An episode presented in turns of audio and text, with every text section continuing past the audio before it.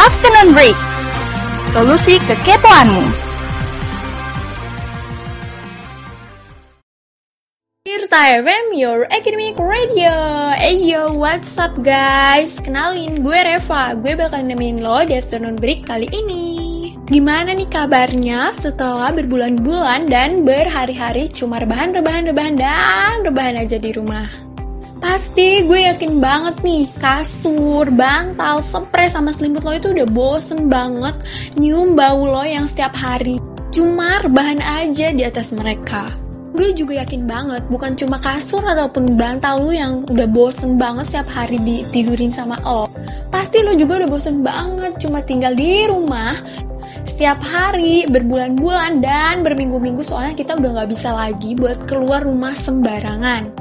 Ya bener banget guys, kita tuh udah gak bisa keluar rumah kayak dulu nongkrong-nongkrong, happy-happy sama temen-temen udah gak bisa sebebas dulu. Soalnya kita tahu sendiri kan ya, sekarang lagi musimnya pandemi alias si COVID-19 ini.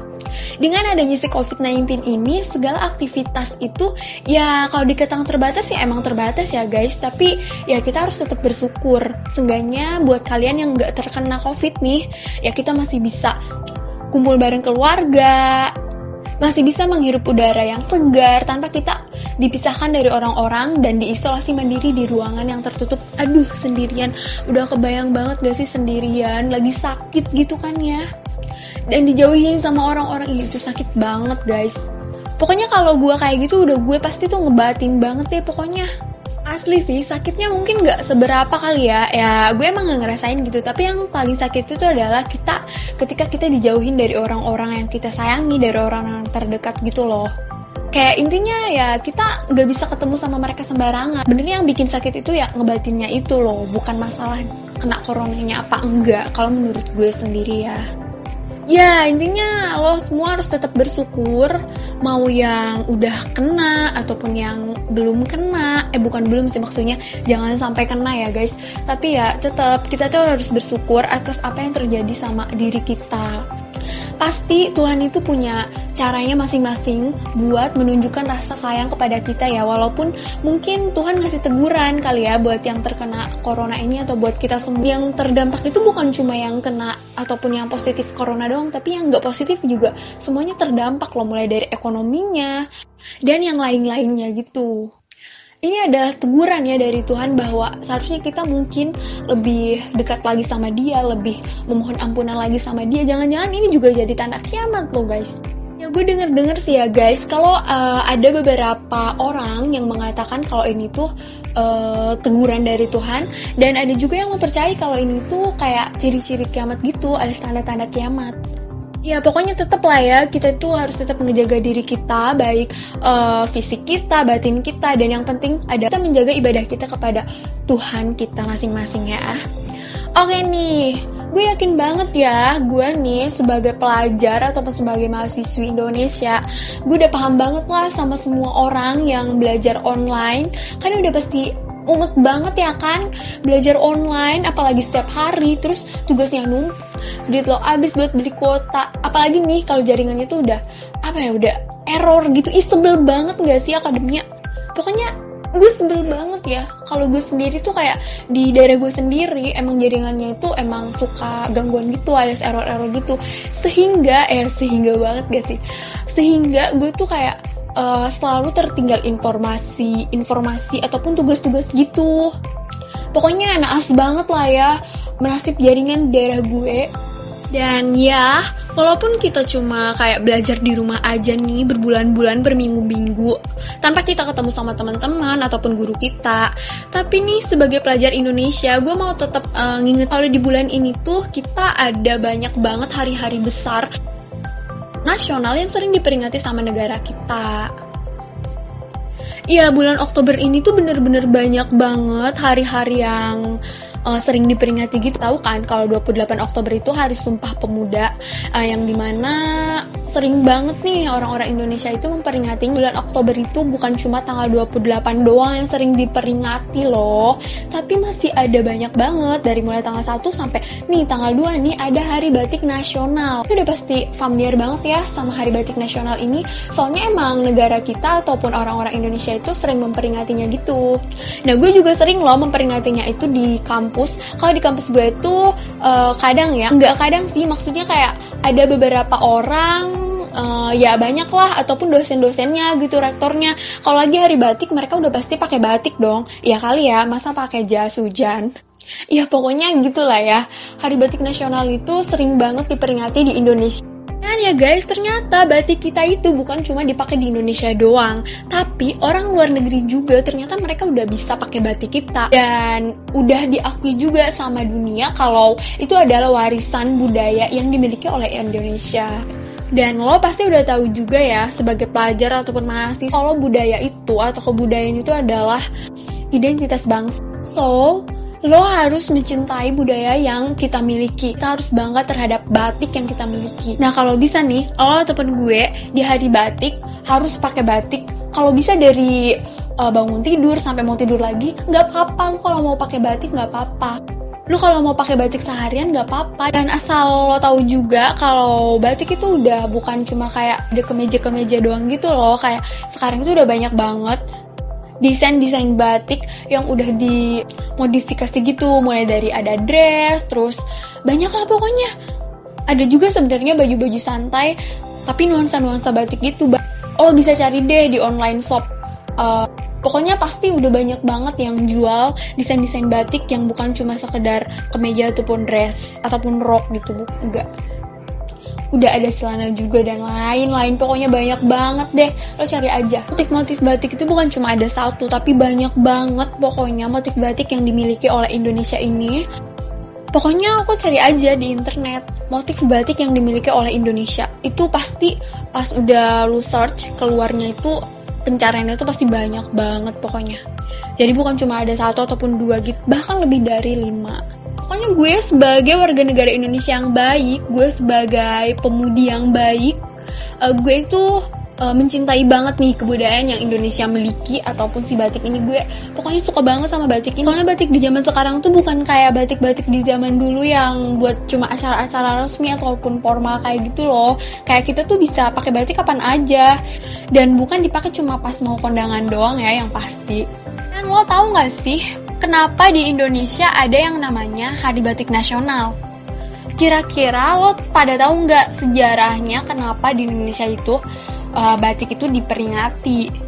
Iya, jadi gue di sini mau ngasih sedikit uh, pengetahuan lah ya supaya kita di sini nggak cuma bacot-bacot doang, lo nggak cuma dengerin bacotan gue doang, tapi gue juga pengen ngasih sesuatu yang bermanfaat lah ya buat didengar. Dan ternyata ini tuh hari peringatan di mana ditetapkannya batik sebagai warisan kemanusiaan untuk budaya lisan dan non bendawi oleh UNESCO. Dan pada tanggal ini, beragam lapisan masyarakat itu dari mulai pejabat pemerintah, dari yang mulai yang kaya sampai yang miskin, pegawai BUMN, hingga pelajar disarankan untuk pakai batik. Dan batik juga itu pertama kali diperkenalkan kepada dunia internasional oleh Presiden Soeharto ketika dia itu mengikuti konferensi PBB.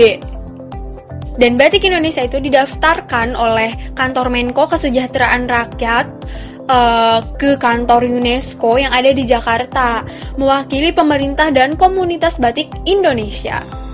Nah, pada 4 September 2008, pengajuan itu pun membuahkan hasil bagi pemerintahan Presiden Susilo Bambang Yudhoyono atau kita tahu Bapak SBY ya. Pada tanggal 9 Januari 2009, pengajuan batik untuk warisan kemanusiaan untuk budaya lisan dan non-bendawi diterima secara resmi.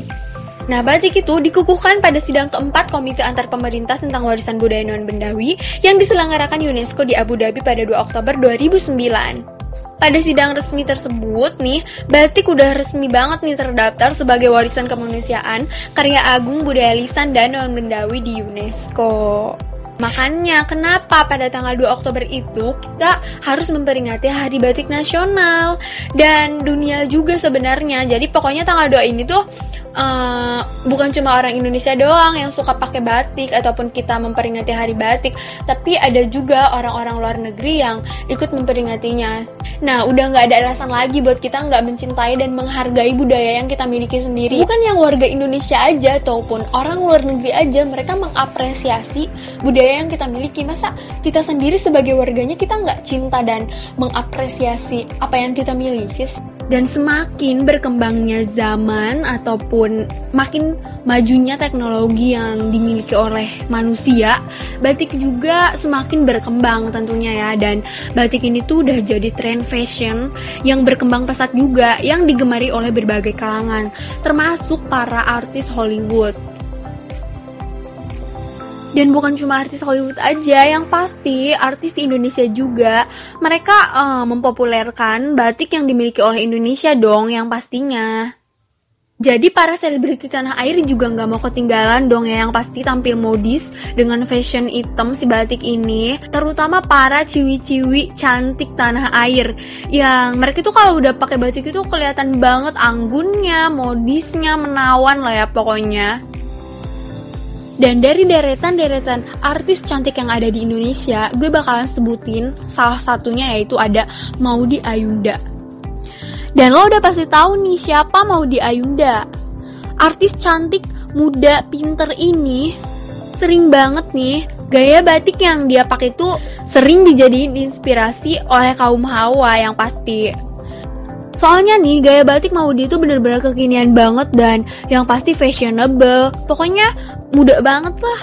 Cocok buat ciwi-ciwi Indonesia yang masih muda-muda juga kayak gue. Yang pasti, gaya batik Maudi itu bukan cuma ada satu. Jadi, jadi buat lo yang bingung nih uh, harus uh, OOTD-in batiknya kayak gimana, lo bisa cari referensinya di gaya batik yang mau dipunya.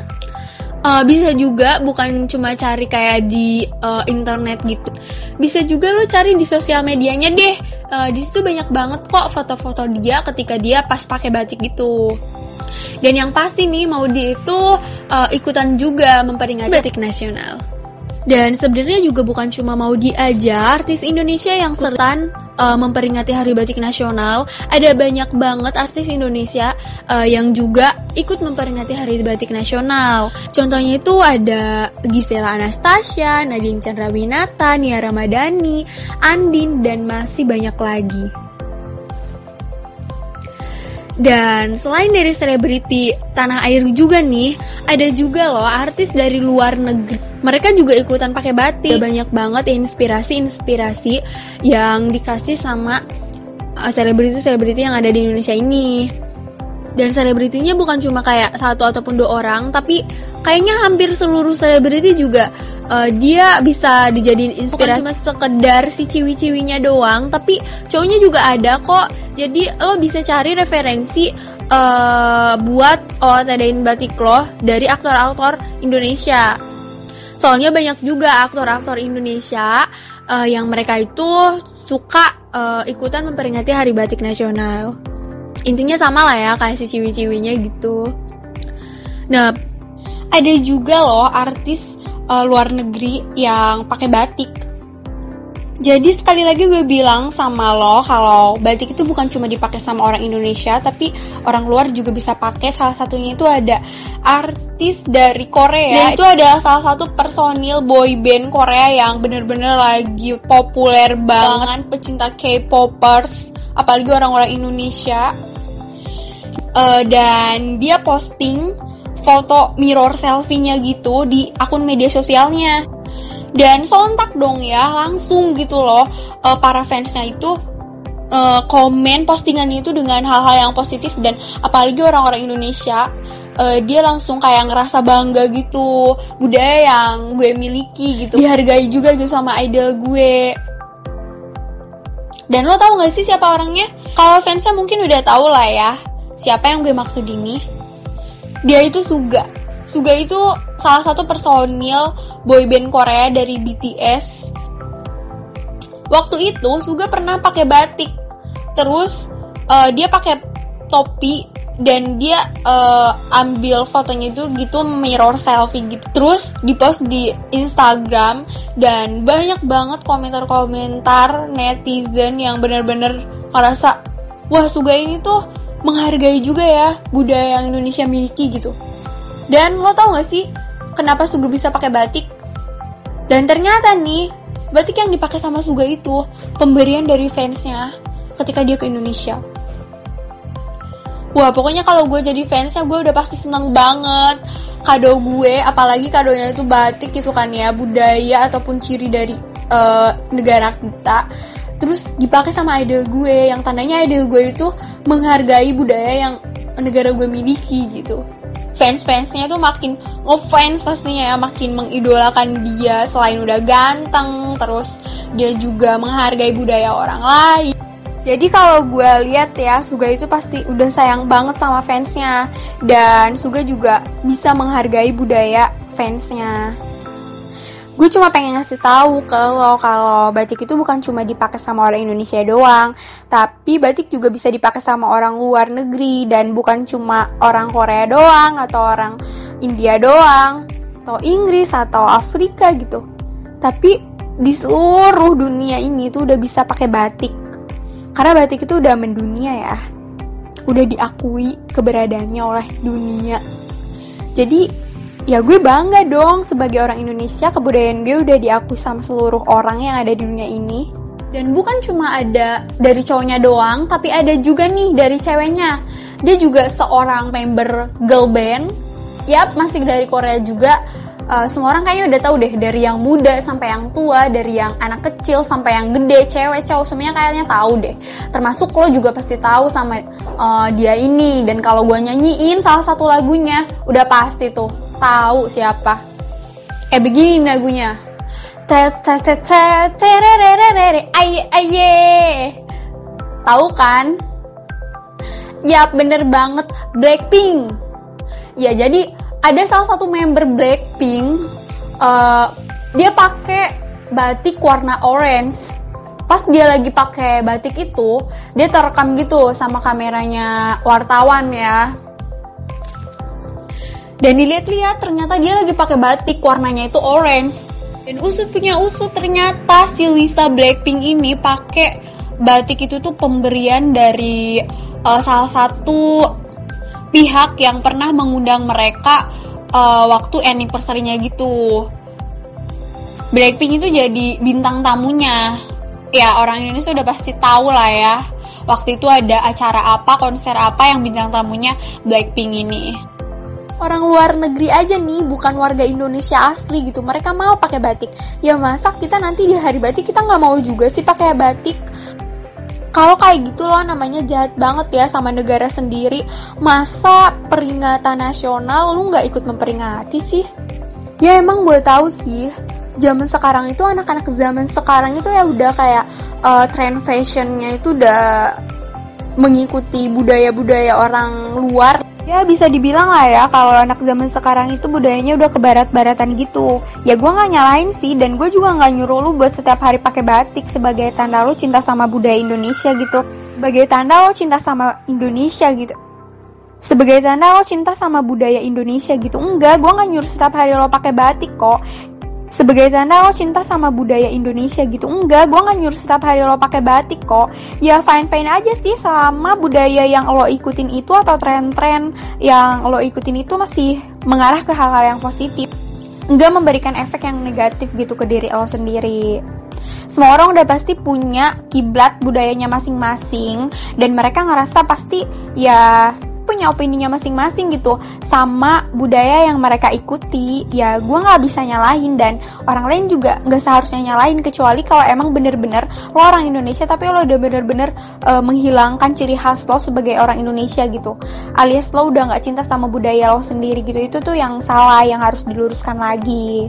Nah baru gue juga ikut meluruskan dulu tuh kan kayak pas zaman sekolah waktu gue SD ataupun SMP sampai SMA gue tuh masih pakai batik karena batik itu jadi seragam wajib gitu di hari Rabu sama Kamis pasti lo juga ngerasain kan gimana pakai batik pas hari Rabu sama Kamis ya mungkin beda-beda ya setiap sekolah tapi gue Rabu sama Kamis sih Dan jujur aja ya, kalau gue sendiri, kalau gue pakai batik itu kayak ngerasa, wah, baju gue nggak kotor gitu kan. Kalau pakai putih habis tuh kotor bet anjir, gue sebel. Pokoknya gue sukanya pakai batik aja. Pokoknya batik itu is the best buat seragam sekolah. Dan sayangnya pas udah kuliah kayak udah jarang banget pakai batik. Paling cuma pas hari-hari uh, yang resmi-resmi doang, ke acara resmi doang gitu. Gue cuma pengen ngomong sama lo kalau kita tuh harus bangga sebagai orang Indonesia kita mempunyai kebudayaan batik yang udah mendunia, yang udah diakui sama seluruh dunia dan bisa dipakai sama siapa pun bukan cuma orang Indonesia doang.